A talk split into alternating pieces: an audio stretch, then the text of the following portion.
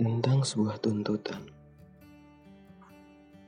Kau tidak ingin menuntut sesuatu dariku. Tanyanya di kala malam tiba, sebagaimana kita selalu membahas apa-apa saja seperti malam-malam sebelumnya. Enggak. Kenapa enggak? Ya karena kamu sudah menjadi dirimu sendiri dengan perasaan itu saat ini, sehingga aku bersyukur dan merasa cukup. Jawabku.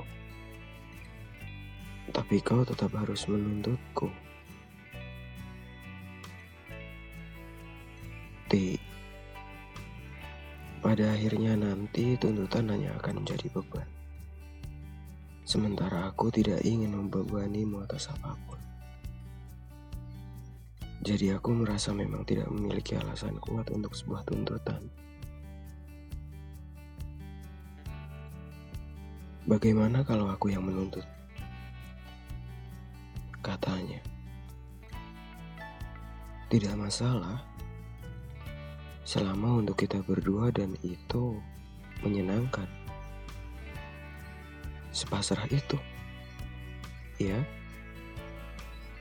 Aku yakin kamu tahu batas kemampuanku. Sehingga apa pun tuntutan yang menurutmu aku tidak cukup kuat untuk mengangkatnya, kau tidak akan melakukannya. Miki tersenyum manis mendengar penjelasanku. Tapi aku merasa mendapat banyak porsi untuk menjadi wanita yang kamu cintai.